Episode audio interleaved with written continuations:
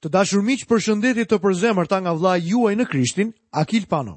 Ju uroj mirëseardhje në emisionin e sotëm, emision në të cilin do të vazhdojmë studimin tonë në librin e parë të mbretërve. Sot do të ndalemi në kapitullin e 18 të këtij libri dhe do të shohim profetin Elia kundër profetëve të Balit. Ky është një nga kapitujt më spektakolarë në faqet e shkrimit, Elia sfidon profetët e Balit për të përcaktuar se kush është Zoti i vërtetë. Profetët e Balit, 450 persona, nuk mund të krahasohen me këtë njeri të vetëm Elian. Ai ishte një njeri i jashtëzakonshëm. Lexojmë pa humbur kohë në kapitullin e 18 nga vargu i parë dhe i dytë. Shumë kohë më vonë, gjatë vitit të tretë, fjala e Zotit iu drejtua Elias duke i thënë, Shko dhe paraqitu te Ashabi dhe unë do të dërgoj shiun mbi vendin. Elia shkoi të paraqitet tek Ashabi. Atëherë në Samari kishte pllakosur një zi e madhe e bukës. Perëndia tani është gati për të përdorur Elian. Ky njeri mund të ngrihet me guxim. Ai kishte mësuar se ishte një hiç dhe se Perëndia ishte gjithçka. Ai del jashtë për të takuar Ashabin dhe është i përgatitur me të vërtetë mirë. Lexojmë më poshtë nga vargu i tretë deri në vargun e gjashtë. Ashabi dërgoi të thërrasë Abdian që ishte maxhordomi i tij.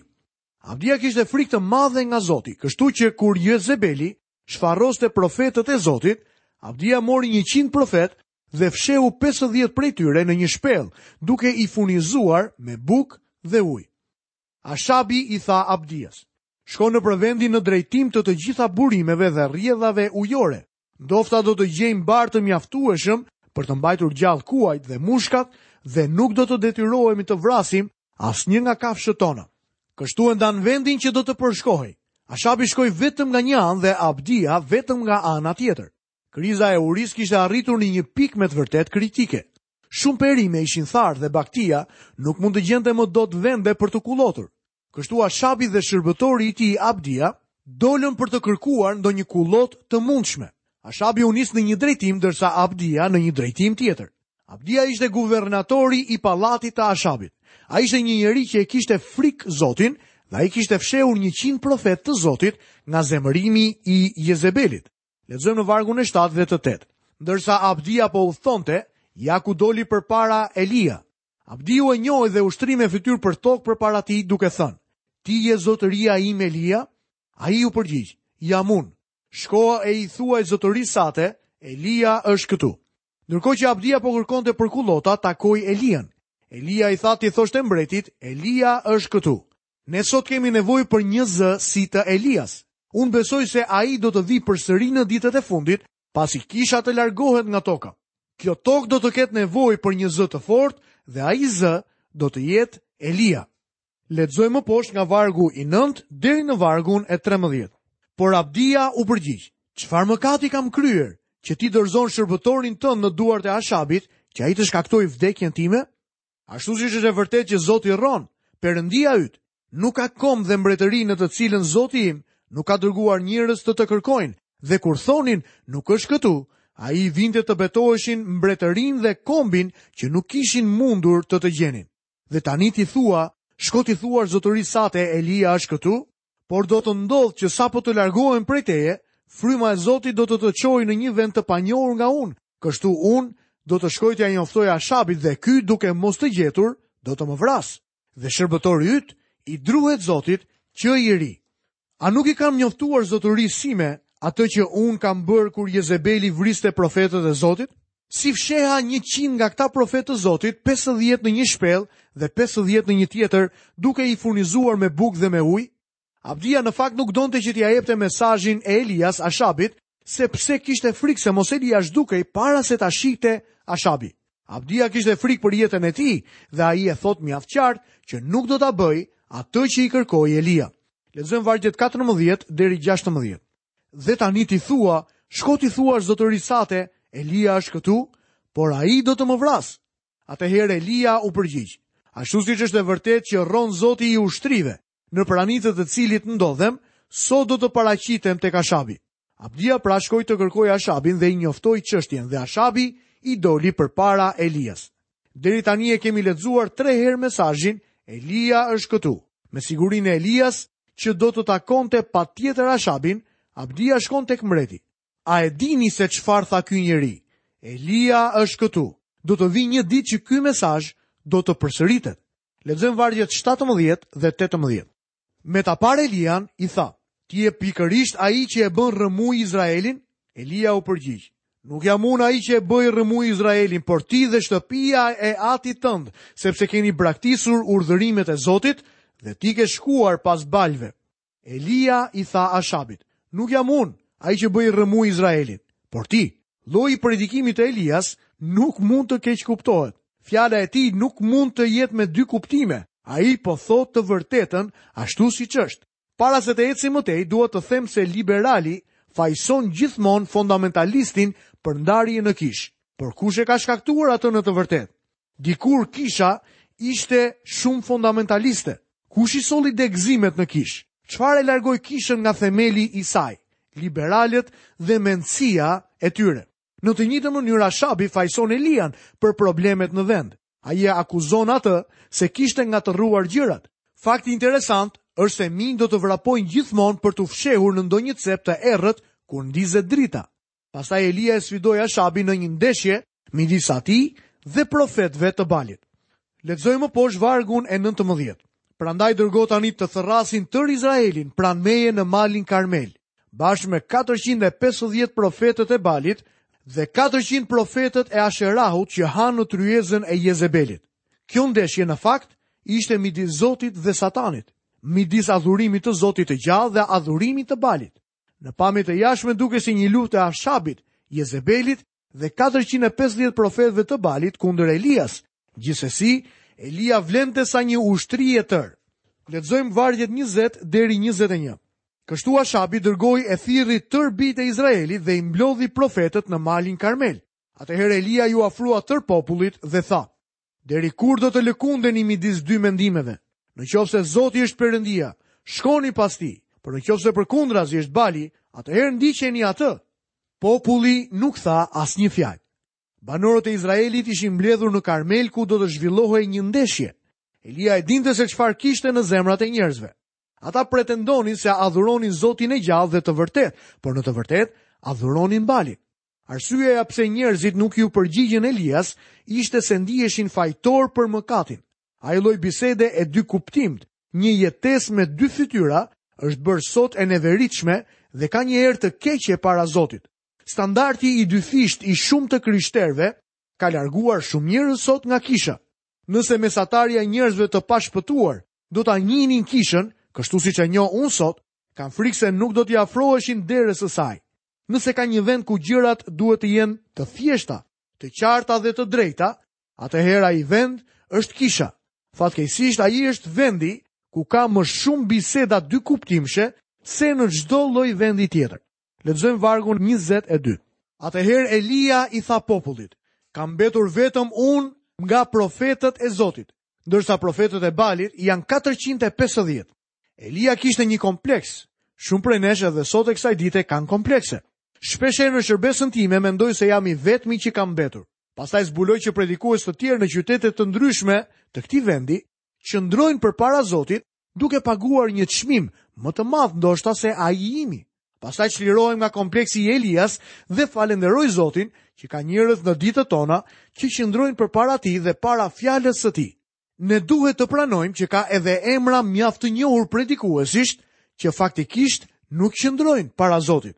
Në fakt ata ecin pa u ndier rreth e rrotull dhe përpiqen të bëjnë kompromise me gjithçka. Ka diçka që nuk shkon nëse si predikues nuk jep të njëjtin mesazh kudo që shkon. Ka diçka që nuk shkon ose me mesazhin ose me personin që e ndan atë mesazh. Elia i tha izraelitëve, unë jam i vetmi që po qëndroj për Zotin, por e kishte gabim. Ishin edhe 7000 njerëz të tjerë që fshiheshin ndër kodra dhe nuk i kishin përulur gjunjët e tyre para Balit. Nuk jam interesuar asnjëherë për atë turmë, por të paktën ata nuk e adhuronin Balin. Elia nuk dinte asgjë për ta. Nëse do të kishte qenë në një program radiofonik në atë kohë, Elia do të kishte marrë një letër nga secili prej tyre. Është për të ardhur keq që ata nuk e inkurajuan aspak. Elia vazhdon mesazhin e tij ndaj njerëzve dhe sfidën ndaj profetëve të Balit. Lexojmë vargjet 23 dhe 24. Le të na jepen dy dema të ri. Ata të zgjedhin një dem për veten e tyre, le ta copëtojnë dhe ta venë mbi drut pa i ndezur ato. Unë do të përgatis demin tjetër dhe do ta vendos mbi drut pa i ndezur ato. Ju do t'i bëni thirrje Perëndisë suaj dhe unë do të thërras Zotin. Perëndia, që do të përgjigjet me anë të zjarrit, është Perëndia. Tërë populli u përgjigj dhe tha, E the bukur. Me fjalë të tjera, Elia tha, le ta provojmë Zotin dhe të shohim nëse është i mirë apo jo. Nëse Bali është perëndi, atëherë le ta adhurojmë. Nëse nuk është, atëherë le ta nxjerrim jashtë. Nëse Zoti është perëndia i gjallë, atëherë duam ta marrim vesh, miku im. Sot Perëndia dëshiron që ti ta njohësh, edhe pse mund të kesh dyshime, nëse je i sinqertë dhe dëshiron me të vërtetë ta njohësh, ai do të të zbulohet, sepse Perëndia don që ti ta njohësh atë. Besimi nuk po ecën kuturu në errësirë, ai mbështetet në fakte. Shpëtimi juaj varet në besimin e atyre fakteve dhe në besimin e Krishtit. Vini re se çfarë po ndodh. Mendoj se kjo është një nga skenat më dramatike në shkrim. Lexojmë nga vargjet 25 deri 28. Atëherë Elia u tha profetëve të Balit: Zgjidhni një dem të ri dhe përgatitni të parët, sepse jeni më shumë. Pastaj kërkoni ndihmën e Perëndisë tuaj. Pa e ndezur zjarrin. Kështu ata morën demin që u dhanë dhe e përgatitën. Pastaj përmendën emrin e Balit nga mëngjesi deri në drekë, duke thënë: O Bal, na u përgjigj. Por nuk u dëgjua asnjë zë dhe asnjë njeri nuk u përgjigj. Ndërkaq ata kërcenin rreth altarit që kishin ndërtuar.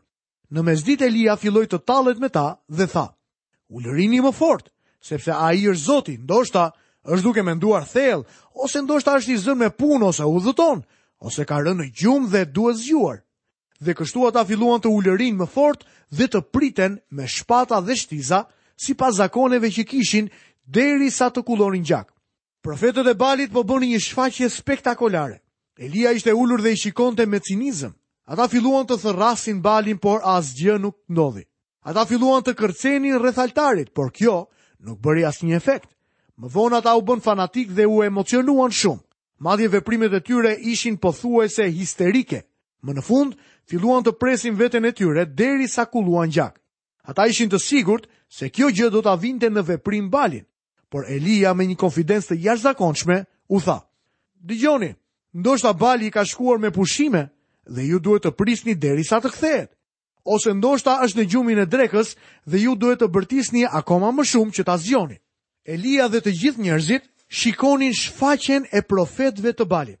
Martin Luteri ka thënë: Një person me Perëndinë është shumica, dhe ai e dinte saktësinë e kësaj formule nga eksperienca e tij. Elia e mësoi këtë të vërtetë nga përvoja e tij kur pati një ndarje të plotë të mbretërisë së veriut nga Zoti. Nën sundimin e Ashabit dhe të Jezebelës, të gjithë ishin larguar nga Zoti. Elia qëndronte pothuajse i vetëm. Është e vërtetë që ishin edhe 7000 njerëz që nuk i ishin përulur Balit, por ata ishin tërhequr në male. Asnjëri prej tyre nuk qëndroi me Elian. Ai madje as e dinte që ata ekzistonin derisa i tha Zoti. Elia u ngrit kundra adhurimit të viçit të artë. Ai kundërshtoi shumë gjëra që po ndodhnin dhe refuzoi të bënte kompromis me profetët e Balit. Kur ata shkruan një rrëfim të ri besimi dhe kundërshtuan autoritetin e fjalës së Zotit, ai iu kundërvu. Doktor Wilfred Funk ka thënë se fjala më e hidhur në gjuhën angleze është vetëm. Elia qëndroi i vetëm. Ai nuk e shprehu mendimin publik. Elia nuk ishte përsëritës dhe as papagall. Ai nuk po mbështeste askënd tjetër. Ai nuk ishte as politikan. Ai ishte më shumë i interesuar të kënaqte Zotin sesa të fitonte popullaritetin e shumicës. Ai kërkonte më tepër miratimin hyjnor sesa duartrokitjet publike. Elia nuk ishte një kllon në një paradë publike. Ai ishte një i marrë për Zotin. Elia ishte si një zë i vetëm në shkretëtirën e botës. Ai drejtoi një luftë kundra satanit dhe ushtrisë së tij, duke përdorur të gjitha burimet e mundshme. Ai qëndroi i vetëm kundra profetëve të Balit. Elia zgjodhi malin Karmel si një vend spektakular për të qëndruar përpara Zotit. Disa vite më parë isha në zonën ku Elia dhe profetët e Balit zhvilluan ndeshjen e tyre. Mali Karmel ngrihet mbi gjirin e qytetit të Haifës dhe detit Mesdhe. Ai është një vargmal i gjatë. Përtej fundit në lindje është Megido, një qytet i lashtë në veriperëndim të Palestinës, në luginën e Ezdraelonit. Në këtë vend strategjik, figura e vetme dhe madhështore e Elias qëndronte më një anë. Ai ishte i shkëputur nga të tjerët. Mendoj se dukej i mërzitur disa minuta pas shfaqjes së profetëve të Balit. Pastaj fytyrën e tij e përshkoi ajo buzëqeshje ironike dhe ju mund të dëgjoni sarkazëm therëse në zërin e tij. Ai përdori shpatën e talljes. Elia u tall sa i deshi qejfi me këta profetë. Në fund, me neveri, ai i hodhi ata poshtë. Lexojmë vargjet 29 deri 30. Me të kaluar mesdita, ata bënë profeci deri në kohën që ofrohej blatimi, por nuk u dëgjua asnjë zë. Asnjeri nuk u përgjigj dhe askush nuk ua vuri veshin. Atëherë Elia i tha tërë popullit, afrohuni pranë meje. Kështu tërë populli iu afrua dhe ai ndreqi altarin e Zotit që e kishin prishur. Tani Elia do të varet tek Perëndia. Altari i Zotit ishte i tharë dhe Elia harxhoi ca kohë duke e mbushur. Kjo ishte një lëvizje e jashtëzakonshme. Çfarë e ka sjellë përçarjen në vendin tonë sot? E pranoj që sot na ofrohen shumë shpjegime, por largimi nga Zoti është baza e përçarjes së një kombi. Lexojmë vargun e 31 deri në vargun e 33. Pastaj Elia mori dymbëdhjetë gurë sipas numrit të fiseve të bijve të Jakobit, të cilit Zoti i kishte thënë, emri yt do të jetë Izrael. Me gurët ndërtoi një altar në emër të Zotit dhe hapi një gropë rreth tij me një kapacitet prej dy masash gruri. Pastaj rregulloi drutë, copëtoi demin dhe e vuri mbi drutë dhe tha, Mbushni katër enë me ujë dhe i derdhni mbi holokaustin dhe mbi drutë. Vini re, Izraeli ishte një komb. Nuk ishte Izraeli dhe Juda, apo Samaria dhe Jeruzalemi, por të 12 fiset ishin një komb, Izraeli. Kështu Elia ndërtoi një altar në emër të Zotit. Pastaj ai bëri një kanal rreth altarit, vendosi drutë në rregull dhe preu demin në pjesë. Në fund urdhëroi që të mbusheshin katër enë me ujë dhe të hidheshin mbi holokaustin dhe mbi drut. Duhej një kohë e gjatë për të sjellë ujin. Kur isha në malin Karmel u habita me kohën që u ishte dashur atyre për të sjellë enët me ujë nga ana tjetër e malit. Ishte një rrugë me vërtetë e gjatë, por Elia nuk e kishte me ngut.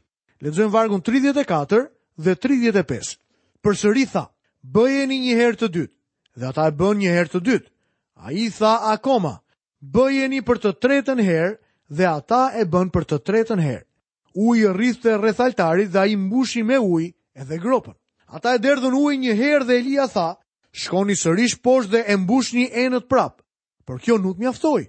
Ai u tha atyre bëjeni për të tretën herë dhe ata e bënë për të tretën herë. Nëse do ta kishit parë Elian në atë kohë, do të kishit vënë re një buzëqeshje të sforcuar në fytyrën e tij. A e dini se çfarë ishte ajo buzëqeshje e sforcuar? Pse hodhi ujë ai në altar. Miku im, vetëm Perëndia mund të bëjë të pamundurën.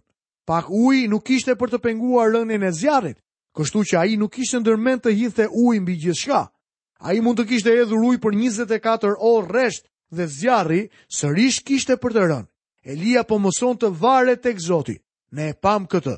E mbani mend kur ai qëndroi tek përroi i vogël dhe e pa duke u tharë.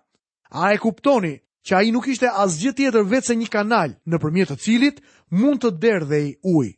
Po kështu pa një enë bosh me miell dhe këndoi himne dhe këngë lavdërimi për Perëndinë.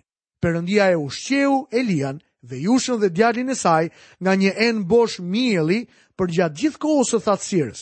Pastaj zbuloi se ai ishte një trup i vdekur. Ai kishte mësuar se nëse nuk do të ndodhte asgjë, atëherë Zoti do të vepronte. Ai u ngrit atë ditë me një buzëqeshje të sforcuar në fytyrën e tij. Mendoj se Elia kishte një sens të pasur humori. Unë e di që edhe Zoti ka një sens të tillë humori të mrekullueshëm. Në frymën e tij Elia me siguri ka thënë: Zot, nëse ti nuk e bën, atëherë me siguri kjo gjë nuk ka për të ndodhur. Lexojmë vargun e 36. Në orën që të ofrohej blatimi, profeti Elia u afrua dhe tha: O Zot, Perëndia i Abrahamit, i Isakut dhe Izraelit, vepro në mënyrë të tillë që të dihet që ti je Perëndi në Izrael, që unë jam shërbëtori yt që i bëra tërë këto gjëra me urdhrin tënd. Miqtë e mi, do të doja të kuptonim faktin që nëse Perëndia nuk e bën diçka, atëherë nuk ka për t'u bërë. A e kuptoni lutjen e Elias? Kjo është një nga lutjet më të mrekullueshme të shkrimit.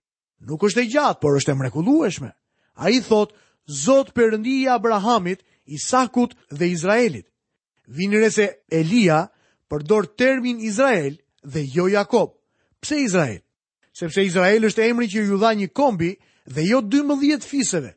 Gjithashtu në lutjen e tij, Elia thotë: Le të dihet që ti je perëndi në Izrael, që unë jam shërbëtori yt dhe që i bëra tërë këto gjëra me urdhrin tënd. Unë dhe ti duhet të sigurohemi që çfarë po bëjmë është sipas vullnetit të tij, vullnetit të Zotit. Mos bëj diçka si të dojë qejfi dhe pastaj t'i kërkosh Zotit ta bekojë. Perëndia nuk vepron në këtë mënyrë. Ti duhet të ecësh në rrugën e tij nëse do të bekohesh prej tij. Ne nuk kemi të drejtën të kërkojmë ndonjë gjë nga Zoti. Është e vërtetë që ai kërkon shumë nga ne, por ne nuk kemi të drejtë t'i kërkojmë diçka. Ai nuk është një nga ata postierët e Western Unionit. Ti nuk mund ta vësh Zotin nën urdhrat e tua. Ne duhet të lutemi dhe t'i bëjmë gjërat sipas vullnetit të Tij. Lexojmë më poshtë vargun e 37. Përgjigjmu o Zot, përgjigjmu, që ky popull të pranojë që Ti o Zot je Perëndia dhe ke bërë të kthehen tek Ti zemrat e tyre. Elia po lutet për lavdinë e Zotit në këtë varg. Ja se çfarë e lëviz dorën e Zotit. A doni të dini se çfarë ndodhi? Lexojmë më poshtë vargun 38 deri në vargun e 40. Atëherë ra zjarri i Zotit dhe konsumoi olokaustin, drutë, gurët dhe pluhurin, si dhe thau ujin që ishte në gropë. Para kësaj pamje tërë populli u shtri me fytyrën përtokë dhe tha, Zoti është Perëndia. Pastaj Elia u tha atyre, Zini profetët e Baalit, mos lini t'ju ikë as edhe një, Kështu ata i kapën dhe Elia i zbriti në përroin Kishon, ku i theri. Kjo ishte mjaft brutale, apo jo? Por në fund të fundit, i çliroi nga braktisja e Zotit dhe herezia. Të dashur miq, këtu kemi mbërritur në fundin e emisionit të sotëm. Nga vëllai juaj në Krishtin Akil Pano, paçi të gjitha bekimet e Perëndisë dhe paqen e tij në jetën tuaj. Bashkë mirudëgjofshim në emisionin e ardhshëm.